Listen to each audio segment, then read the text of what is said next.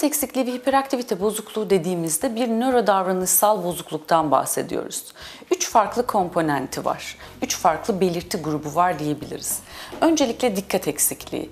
Dikkat eksikliği e, çocuğun derslere konsantre olmasında ya da o konsantrasyonu sürdürmesinde bir güçlük yaşamasıdır. Bu çocuklar genellikle e, derslerde çabuk sıkılan, başka şeylerle ilgilenen çocuklardır.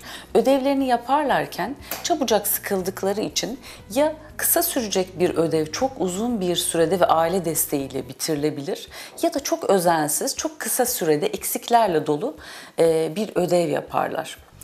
E, ikinci komponenti hiperaktivite. Hiperaktivite çocuğun çok hareketli olması demek. Genellikle bu çocuklar yerinde oturmakta zorlanan, otursalar bile sürekli kıpırdanan çocuklardır. Uygun olmayan bir ortamda, oturmaları gereken bir ortamda bile kalkıp dolaşmak, hareket etmek isterler. Üçüncüsü dürtüsellik dediğimiz komponent. Dürtüsellik bir çocuğun sonucunu düşünmeden hareket etme eğilimidir. Bu çocuklar genellikle sabırsız çocuklardır. Beklemekte zorluk yaşarlar. Sıraya girip beklemeleri gerektiğinde ciddi sıkıntıları olur.